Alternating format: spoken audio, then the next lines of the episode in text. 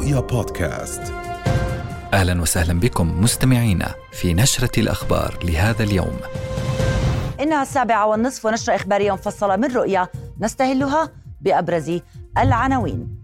جسور الدبلوماسية الأردنية تمتد وفي بروكسل الأردن يشارك باجتماع أوروبي عربي حول فاجعة غزة.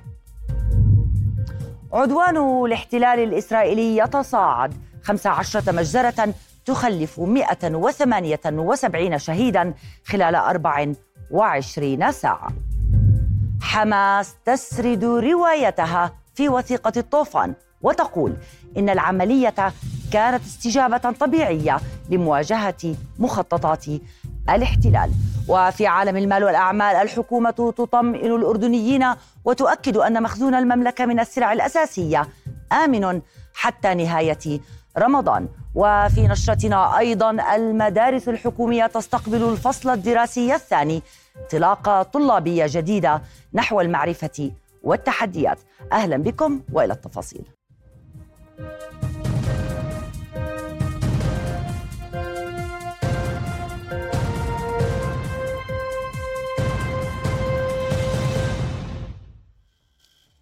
يشارك الأردن في اجتماعات متتالية تبدأ غدا في العاصمة البلجيكية بروكسل حول الحرب على قطاع غزة وذلك على هامش اجتماع المجلس الوزاري للاتحاد الأوروبي للشؤون الخارجية. ويمثل الأردن في الاجتماعات نائب رئيس الوزراء وزير الخارجية وشؤون المغتربين أيمن الصفدي. إلى جانب نظرائه وزراء خارجية كل من السعودية ومصر وفلسطين وكيان الاحتلال الإسرائيلي والأمين العام لجامعة الدول العربية أحمد أبو الغيط. الاتحاد الأوروبي ذكر في بيان له أن الوزراء سيناقشون إدخال مساعدة إنسانية إلى قطاع غزة دون معيقات وتجديد الدعوة إلى إطلاق سراح المحتجزين والتنفيذ الكامل لقرارات الأمم المتحدة. كما يناقش الوزراء اليوم التالي لما بعد الحرب وخطه سلام محتملة.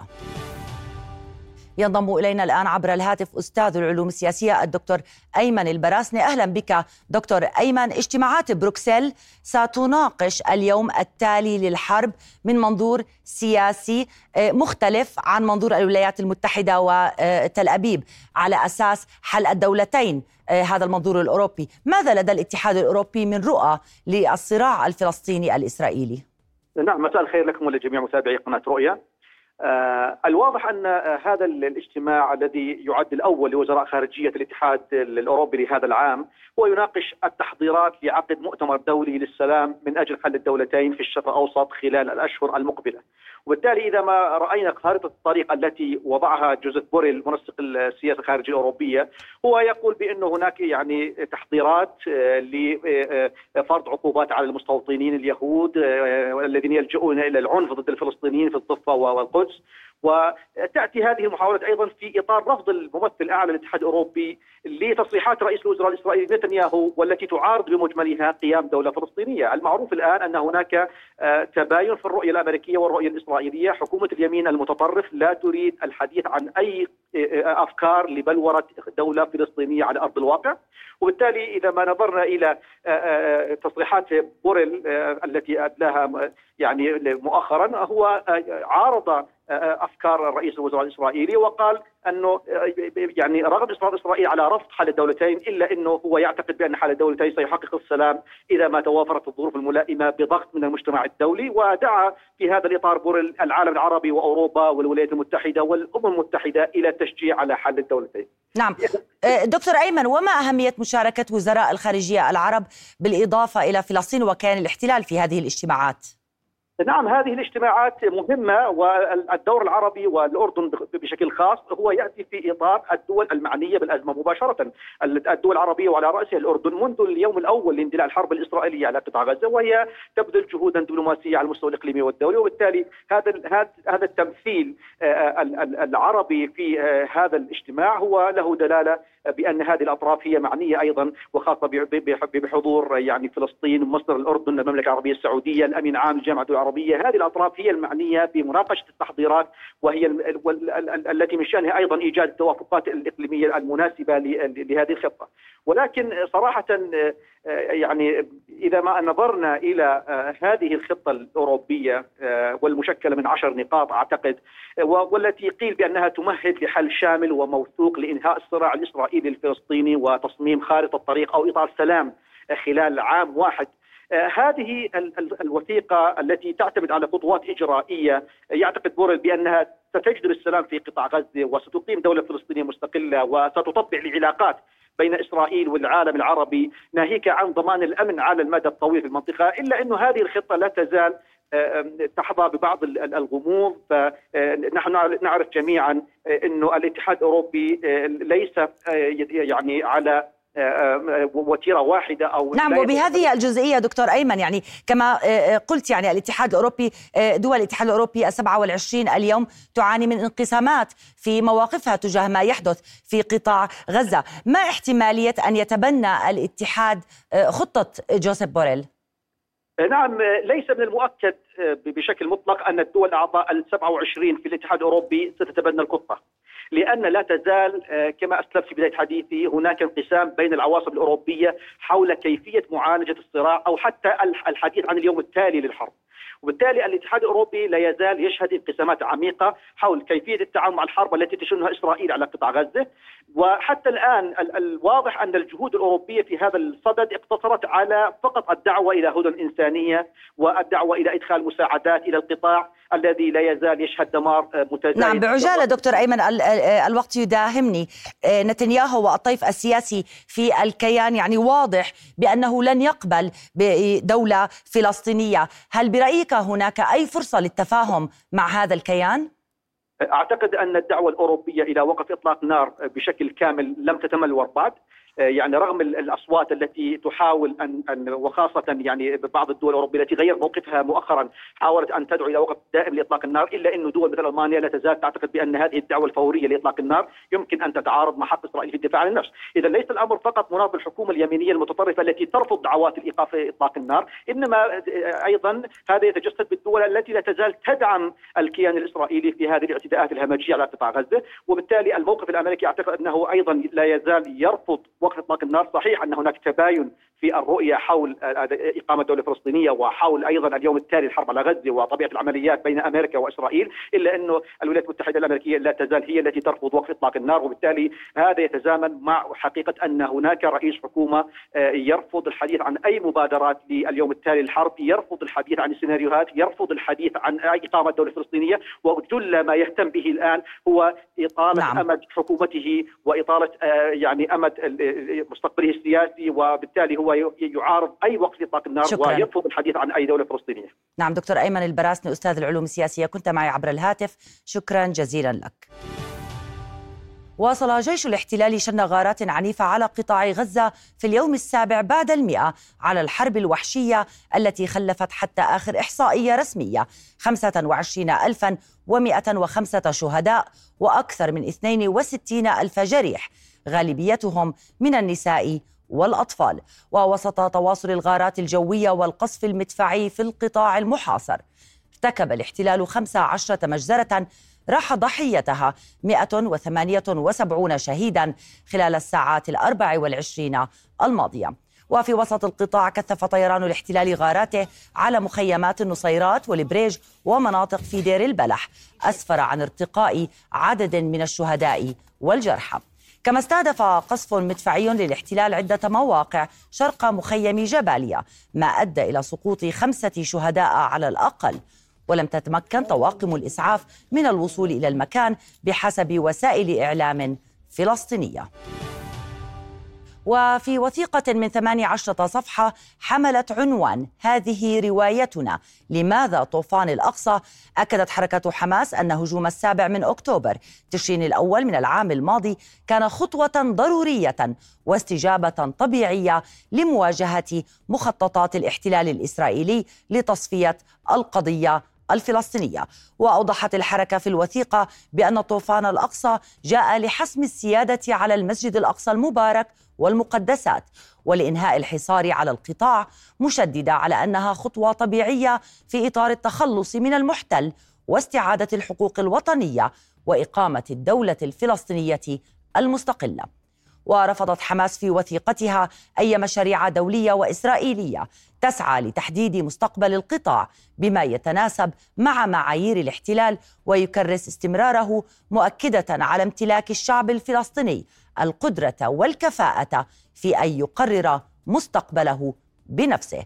وفي ختام الوثيقة دعت حركة المقاومة الإسلامية إلى وقف العدوان الإسرائيلي فوراً على قطاع غزة.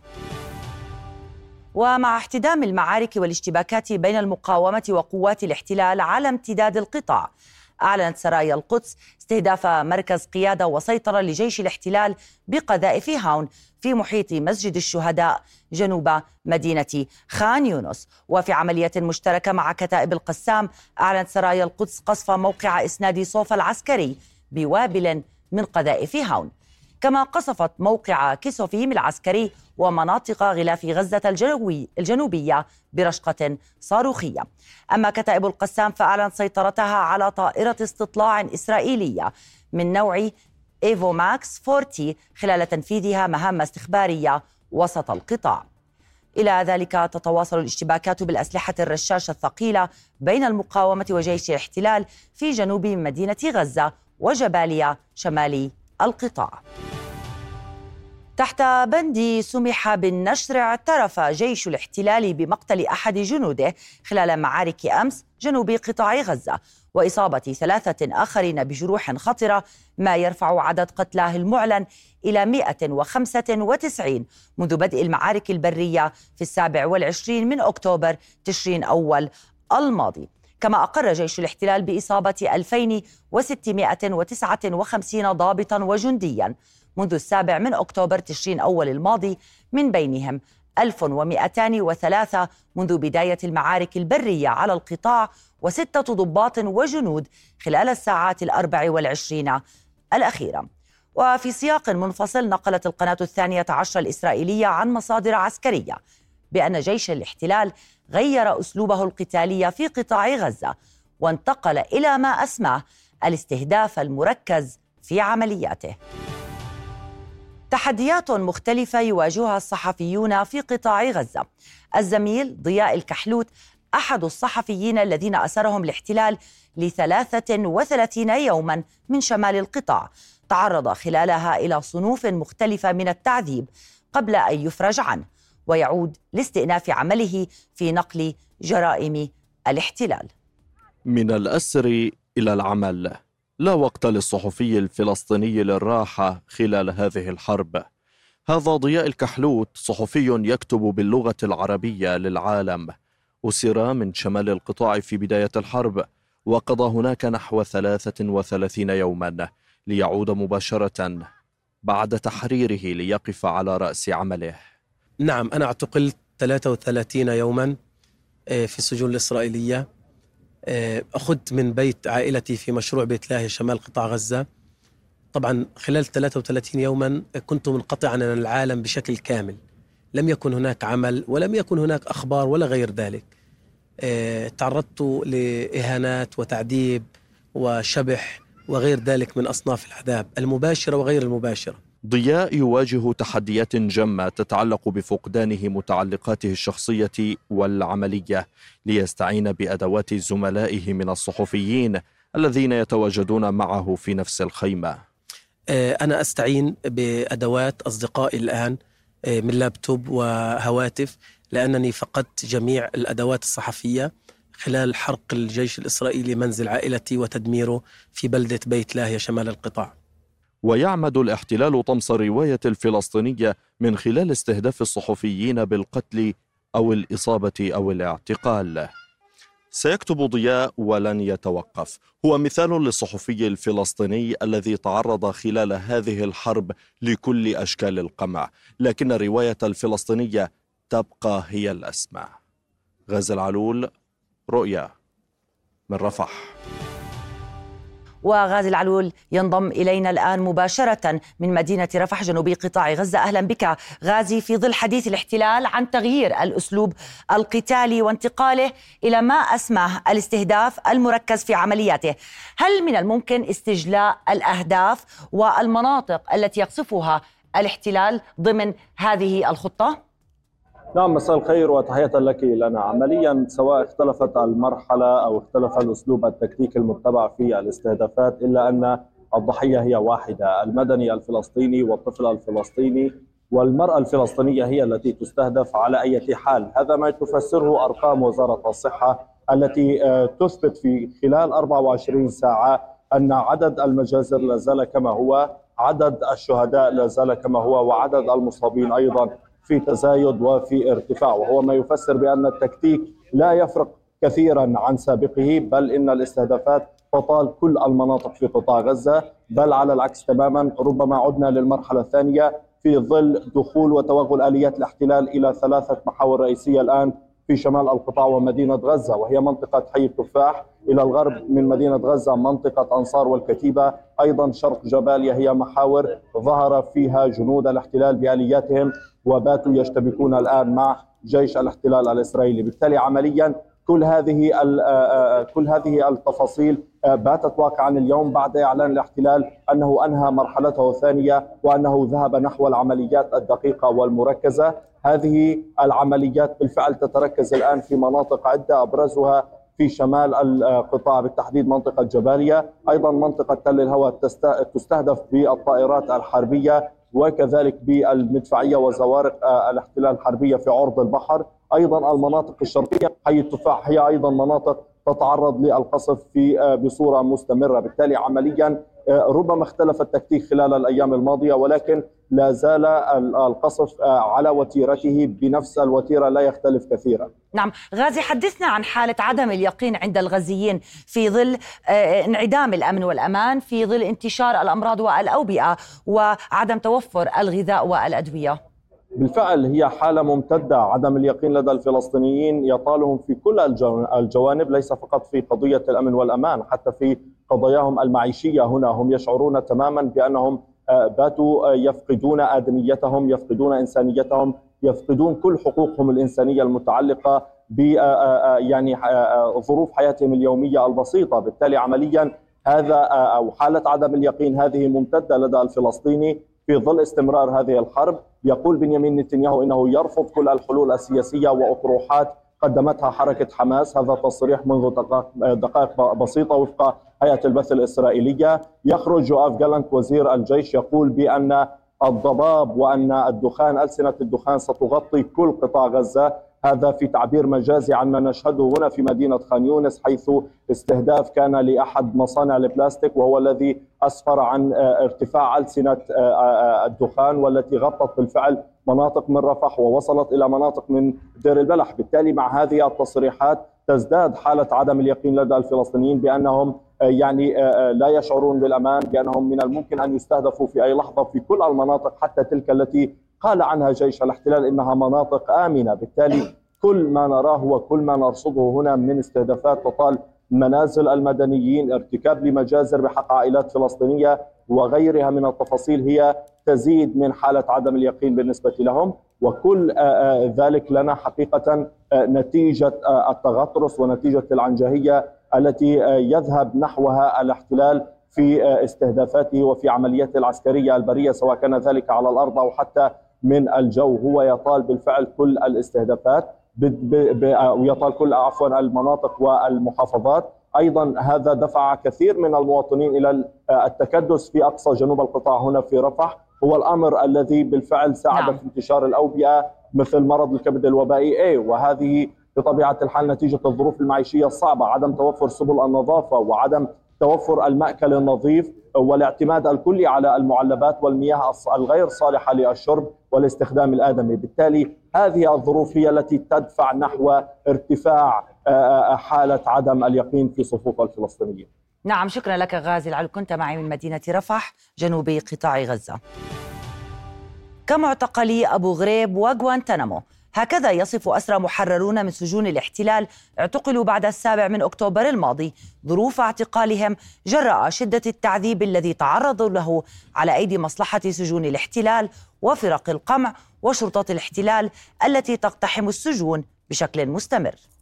اعتقل الاحتلال منذ بدء معركة طوفان الأقصى أكثر من ستة آلاف فلسطيني من مختلف المدن والقرى والمخيمات الفلسطينية. لم تسلم النساء ولا الأطفال ولا المسنين بحسب هيئة شؤون الأسرى والمحررين من الضرب والتنكيل أثناء عملية الاعتقال. وصولا للتعذيب النفسي والجسدي في السجون. العدد الإجمالي في السجون آه، زاد عن آه، تسعة آلاف أسير وأسيرة. آه، للأسف الشديد لا يوجد معطيات كافية حول الأعداد من أسيرات وأسرى قطاع غزة. تم الإعلان سابقا وعبر يعني وسائل إعلام إسرائيلية بأنه هناك 661 أسير من قطاع غزة يتم التعامل معهم كمقاتلين غير شرعيين. هناك تم الإعلان عن إنشاء معسكر احتلالي قبالة بئر السبع أزديس التيمان هو أشبه بجوانتنامو بكل ما تحمل الكلمة. معنا سمعنا شهادات مؤخرا من عدد من الذين أفرج عنهم من أسرى قطاع غزة يعني يندى لها الجبين الإنساني نتيجة عمليات التعذيب التي تعرضوا لها على مدار الساعة. يجرد المحتل الأسير من ملابسه بشكل كامل ومهين قبل البدء بعمليات الضرب والإذلال والتعذيب. ومن ثم يحرم الأسير من حق العلاج للنزيف والجروح والكسور التي يعاني منها إثر التعذيب. لا مياه صالحة للشرب ولا طعام أو حتى فراش ينام عليه للتخفيف من أوجاعه. أما في البرد فيحرم الأسير من الملابس الدافئة والأغطية. وحتى الأسيرات لم يخلوا يعني تطبيق هذه السياسة بحقهن من سياسة تجويع. بكل ما تحمل الكلمة معنى عدم وجود مياه للاستحمام بشكل كافي للأسرى لا يوجد غيارات ملابس للأسرى في ظل أوضاع صعبة. البرد القارس دخلنا على فصل الشتاء لا يوجد أي مقتنيات لدى الأسرى هناك حالة اكتظاظ شديدة تحيا السجون نتيجة هذه الأعداد من المعتقلين الجدد. الغرفة التي تتسع إلى ستة أفراد ينام على الأرض حوالي ستة آخرين. منع الاحتلال مؤسسات حقوق الإنسان واللجنة الدولية للصليب الأحمر من زيارة أي من السجون منذ السابع من أكتوبر المنصرم. وبذلك أعطى الاحتلال لنفسه الضوء الأخضر لتعذيب الأسرى كيفما أراد. من فلسطين المحتلة آية الخطيب رؤيا. ينضم إلينا من الخليل مراسلنا محمد العدم. أهلا بك محمد ما أبرز التطورات الميدانية في عموم الضفة الغربية حتى الساعة؟ نعم يعني آه، في الحديث عن أبرز تطورات آه، الأحداث في مدن الضفة الغربية نبدأها آه، بالحديث من جنوب الضفة الغربية وبالتحديد مدينة الخليل بعد قيام قوات الاحتلال بهدم منزلي الشهيدين عبد القادر ونصر الله القواسمي في محافظة الخليل. الاحتلال منذ ساعات الامس دفع بتعزيزات كبيرة صوب محافظة الخليل وقام بمداهمة منازل ذوي الشهداء قبل أن يقوم بعملية هدمهم خلال ساعات طويلة. غادر صباح هذا اليوم مخلفا دمارا كبيرا في منازل آه، عائلات الشهداء. عائلة الشهيد نصر الله آه، آه، فقدت ابنها خلال عملية إطلاق نار وقعت على حاجز الأنفاق برفقة الشهيد عبد القادر القواسمي. والاحتلال قام باقتحام المنازل أكثر من مرة قبل أن يقدم على هدمها صباح هذا اليوم. الاحتلال فجر منزل عائلة الشهيد عبد الناصر بتفجيرا فيما قامت آليات الاحتلال وجرفته بهدم منزل عائلة الشهيد عبد القادر ومخلفا دمارا كبيرا آه، في آه، هذه المنازل والمنازل المحيطة بها. بعدما سواها بشكل كامل بالأرض آه، منزل عائلة عبد عبد الناصر يتكون من شقتين قام الاحتلال بهدمها متجاوزا كل القوانين. بعدما تقدمت عائلته باستئناف بعدم هدم الشقة التي تعلوها وهي شقة شقيقة لكن الاحتلال قام بهدم المنزل بشكل كامل.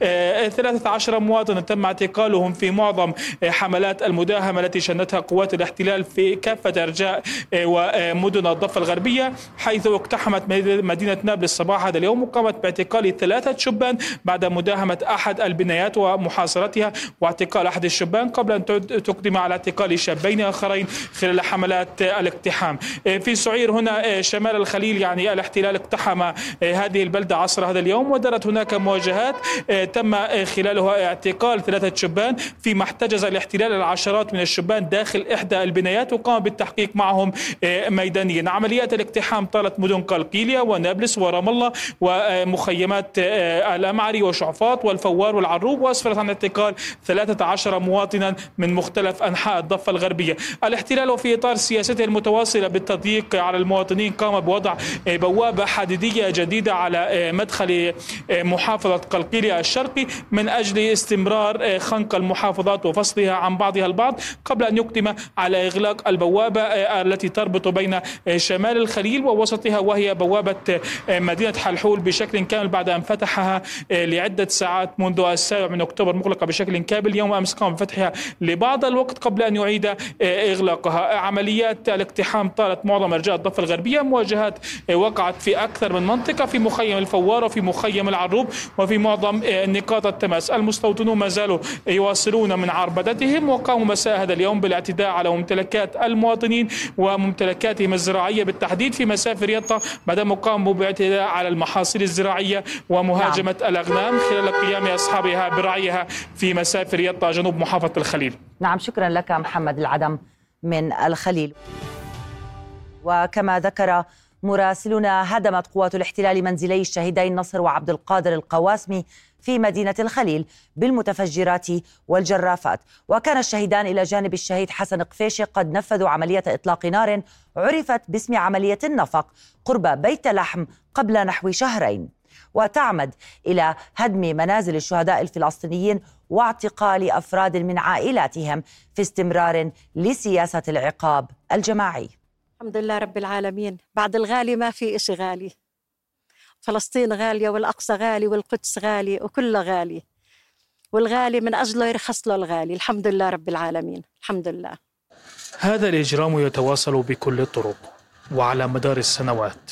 هنا كان منزل عائلة الشهيد نصر الله القواسمة الذي يهدمه الاحتلال المرة الثانية فجروا منزل العائلة وألحقوا به الطابق العلوي بحجة مشاركته في عملية إطلاق نار على حاجز الأنفاق قبل شهرين شردوا ساكنيه وأجبروا من يجاوره على المغادرة.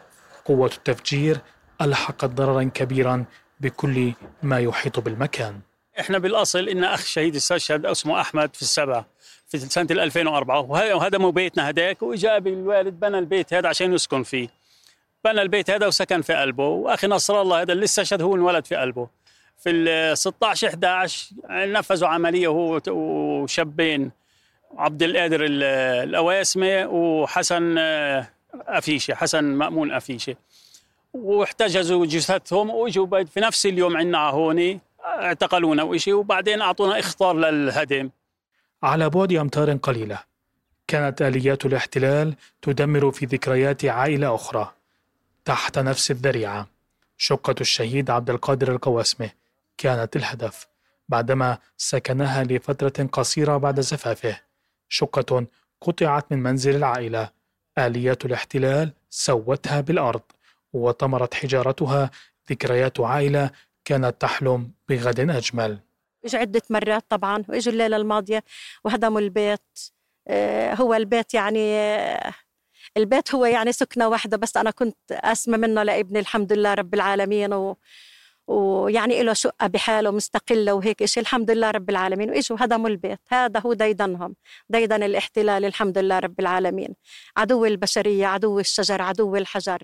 الاحتلال وبعد احتجاز جثامين الشهداء ورفض تسليمها يواصل حربه ضد ذويهم فلم يسلم لا الحجر ولا الشجر ولا الأرض من عدوانهم.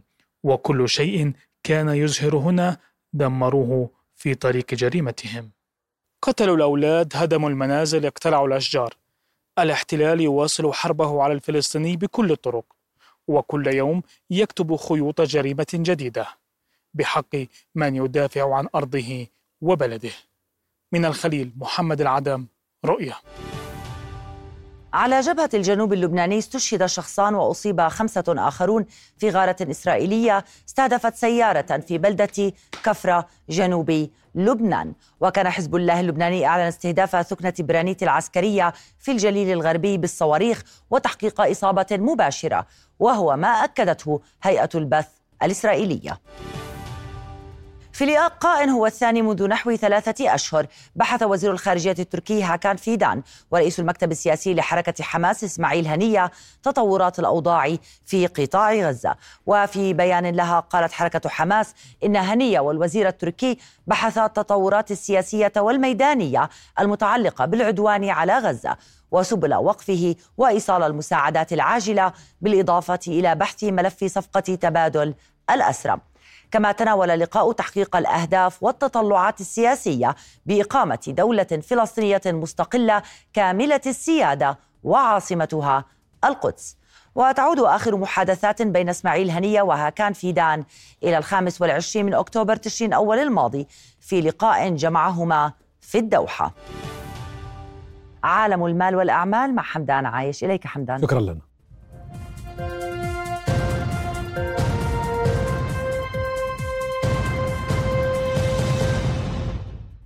أهلا بكم. أكد رئيس الوزراء بشر الخصاوني أن مخزون المملكة من السلع الأساسية آمن وأن المؤسستين الاستهلاكيتين التزموا بالحفاظ على أسعار السلع الحالية حتى نهاية شهر رمضان. وخلال ترأس اجتماع مجلس الوزراء أعاد الخصاوني التأكيد على ضرورة اتخاذ التدابير اللازمة بالتعامل مع الآثار التضخمية المحتملة لتطورات الأوضاع في البحر الأحمر.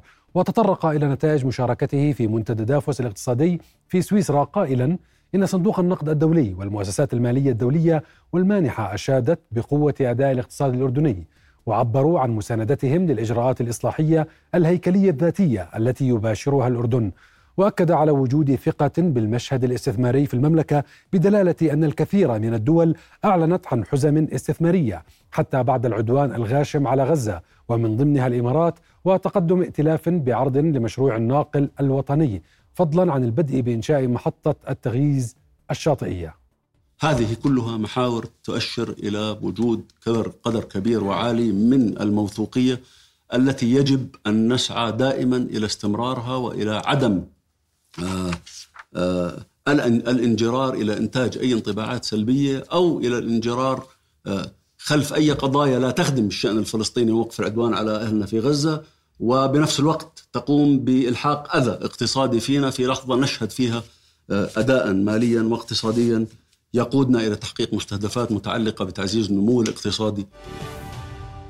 اختتمت اللجنة المالية النيابية سلسلة اجتماعاتها لمناقشه قانون الموازنة العامة لعام 2000 وأربعة بحضور الفريق الاقتصادي الحكومي حيث من المتوقع بدء مناقشاتها تحت القبة الأسبوع المقبل نائب رئيس الوزراء للشؤون الاقتصادية وزير تحديث القطاع العام ناصر الشريدة قال إن الحكومة حددت أولوياتها للعام الحالي وأضافت قطاعي الحماية الاجتماعية والأمن السيبراني إلى خطة التحديث. فيما كشف محافظ البنك المركزي دكتور عادل شركس أن الاحتياطات الأجنبية وصلت إلى مستويات قياسية بلغت 18 مليارا و200 مليون دولار تكفي لتغطية مستوردات المملكة من السلع والخدمات لمدة ثمانية أشهر. فيما أكدت وزيرة الاستثمار خلود السقاف أن العمل جار لاستحداث فرص استثمارية جديدة بالتعاون مع القطاع الخاص وترويج الخطط الاستثمارية وفقا للمخصصات المرصودة في مشروع الموازنة. بالنسبة لأولوياتنا للعام القادم آه، طبعا آه، قمنا بإعداد مراجعة شاملة للبرنامج التنفيذي آه، لتحديد أولويات العام القادم. اليوم ال 418 أولوية اللي بدأت بها البرنامج أصبحت 514 أولوية. تم إضافة 72 أولوية ك بسبب إضافة قطاعين رئيسيات على برنامج التحديث الاقتصادي. حقيقة أهم ما تحقق من ب 2023 على عجالة النظرة الائتمانية المستقرة للأردن في عام 2023 من ثلاث وكالات آه، تصنيف رغم التحديات اللي بتمر فيها العالم والمنطقة. وهاي رسالة قوية حقيقة تؤكد سلامة النهج الاقتصادي في المملكة. ناقش مشاركون في ندوة دعا إليها حزب التكامل الوطني الدور الأردني الداعم لفلسطين وتداعيات الاقتصادية للحرب على غزة اقتصاديا المشاركون أكدوا أن الحرب والتوترات الإقليمية أسهمت في خلق تحديات اقتصادية جديدة تمثلت في ارتفاع تكلفة الاستيراد التي قد تتسبب في زيادة تكلفة الاستيراد الأردن فضلا عن تراجع عدد السياح وانخفاض الاستثمارات. رفضت السلطة الفلسطينية قرار مجلس وزراء الاحتلال المصغر للشؤون السياسية والأمنية على تحويل أموال الضرائب للسلطة الفلسطينية دون مخصصات قطاع غزة الذي يواجه عدوانا منذ أكثر من ثلاثة أشهر. هذا وسمح بنقل أموال الضرائب الفلسطينية المجمدة إلى النرويج بدلا من تحويلها إلى السلطة الفلسطينية مع الاحتفاظ بالحق في تحديد موعد أو موعد تحويل الأموال إلى السلطة. أمين سر اللجنة التنفيذية لمنظمة التحرير الفلسطينية حسين الشيخ قال إن قرار حكومة الاحتلال مرفوض وينتقص من الحقوق المالية للفلسطينيين ويبلغ المتوسط الشهري للأموال التي يحولها الاحتلال للسلطة 190 مليون دولار. إلى هنا نصل لنهاية أخبار الاقتصاد. عودة إليك لنا. شكرا لك حمدان.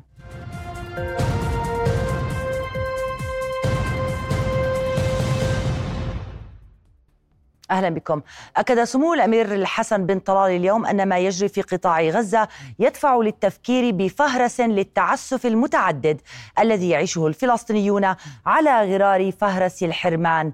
المتعدد وخلال زيارة سموه اتحاد الجامعات العربية نوه إلى أهمية التكامل والتكافل بين المشرق والجزيرة العربية لتحقيق التنمية الاجتماعية والاقتصادية المستدامة وإيجاد قاعدة معرفية مستقلة ومراكز بحثية في المشرق تعمل ضمن أولويات واحتياجات المنطقة وإشراك المجتمعات المحلية فيها.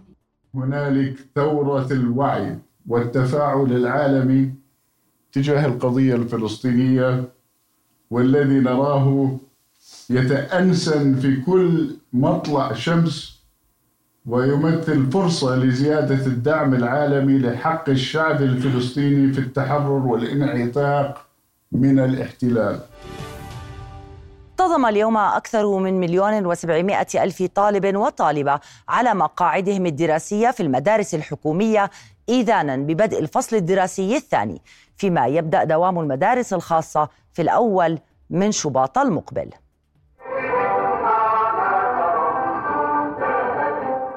تسارعت خطى الطلاب اليوم نحو محطة جديدة في رحلة التعلم مع انطلاق الفصل الدراسي الثاني في مدارس المملكة. وفق التقويم والجدول الزمني الذي وضعته وزارة التربية والتعليم للعام الدراسي الحالي، وتؤكد الأخيرة استعدادها التام للسيطرة على كامل التحديات. إحنا دائما توجيهاتنا هو الاهتمام بالعملية التعليمية. بتعرف بما أنه آه، التعليم هو حق للجميع فهو أيضا مسؤولية الجميع. صحيح أن وزارة التربية والتعليم هي السلطة المشرفة على العملية التعليمية لكن بجهود المؤسسات الأخرى والمجتمع المحلي نستطيع أن نمضي بهذه العملية التعليمية إلى بر الأمان إن شاء الله تعالى. تحديات عديدة تعمل الوزارة ممثلة بمديرياتها وكوادرها على تخطيها. من خلال العمل الدؤوب والمتواصل لرفعة وسير العملية التعليمية وتوفير متطلباتها. إذ يؤكد معلمون التزامهم ببدء العملية الدراسية منذ اليوم الأول من هذا الفصل. اليوم العملية آه، مستقرة. آه، منذ آه، هذا اليوم جميع مدارسنا انتظمت من الطابور الصباحي وأيضا البرنامج الدراسي معد والحصص تسير العملية التعليمية كالمعتاد. طلابنا الكتب متوفرة لديهم المقاعد متوفرة لديهم البرامج الدراسية معدة وبروح إيجابية ملؤها التفاؤل والطاقة. يندفع الطلبة نحو مدارسهم لنيل العلم والمعرفة ولقاء رفاقهم بعد إجازة ما بين الفصلين. بهاي العطلة اللي انتهت شهر كنت كثير متحمسة لأني أشوف معلماتي لأشوف صحباتي آه إن شاء الله هذا الفصل يعني يكون خير ومليء بالتفوق والنجاح لإلي ولجميع زملائي. تلتزم الوزارة بالعمل على تنفيذ خطتها التوسعية بإنشاء المدارس حسب الحاجة في مختلف مناطق المملكة وهو ما يلبي آمال الأهالي ويخفف من الضغوطات والأعباء الواقعة على المدارس التي تعاني من اكتظاظات شديدة. احتفالات الطائفة الأرمنية الأرثوذكسية بمناسبة عيد الغطاس انطلقت اليوم في موقع المغطس وتضمنت الاحتفالات صلاة في كنيسة مار قربيت للأرمن الأرثوذكس. تلاها احتفال بعيد الغطاس وخدمة تقديس الماء على ضفة نهر الأردن. ومن المقرر أن تنطلق الجمعة المقبلة صلاة الحج المسيحي السنوي في موقع المغطس للكنيسة الأرثوذكسية. عقب اجتماع مغلق عقدته لجنة الصحة والغذاء النيابية لدراسة الأسباب وراء تقنين الحكومة منح الإعفاءات الطبية للمواطنين أوصت اللجنة بزيادة عدد الإعفاءات إلى 30 إعفاء بدلا من عشرة. وكان رئيس مجلس النواب أحمد الصفدي دعا الأربعاء الماضي الحكومة ولجنة الصحة والغذاء النيابية إلى عقد اجتماع مشترك مع الحكومة اليوم. إلا أن الاجتماع اقتصر على أعضاء المجلس مما أثار حفيظة البعض منهم لغياب الحكومة. كان اليوم في توصيات من النواب بزيادة عدد الإعفاءات إلى 30 وشمول مركز سعيد دروزة مع عيادات مستشفى البشير وأيضا تجديد الإعفاءات لا يحسب من العدد الرسمي للإعفاءات. المفروض الأحد الماضي كان في اجتماع والأحد الحالي اللي هو اليوم إنه في اجتماع بخصوص الإعفاءات الطبية. آه، وهينا اجينا على الاجتماع. يعني في حضور آه، عدد من زملاء النواب ورئيس لجنة الصحة.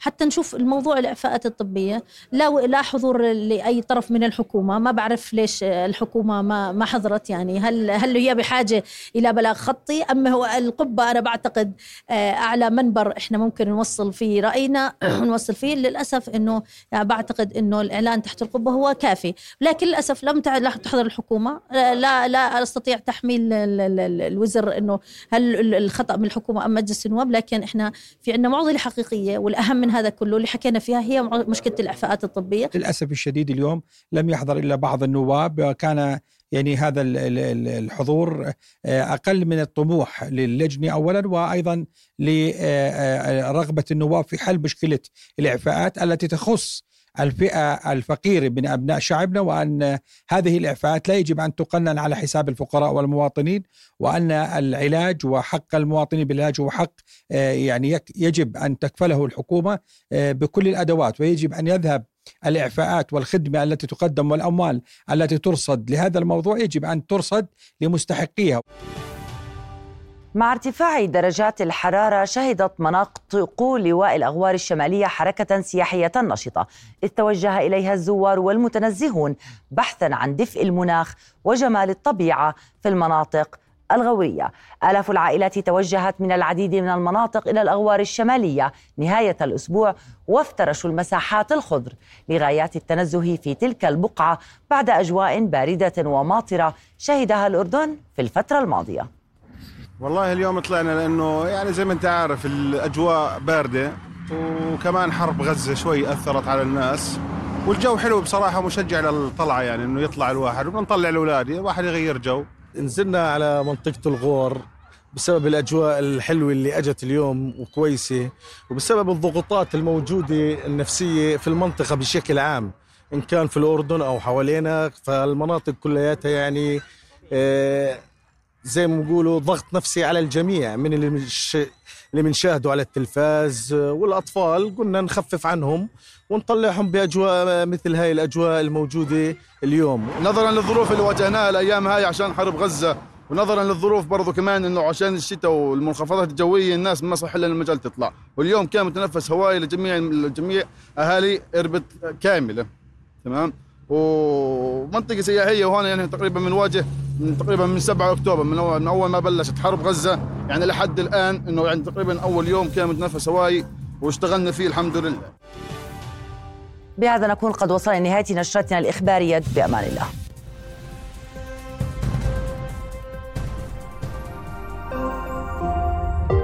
رؤيا بودكاست.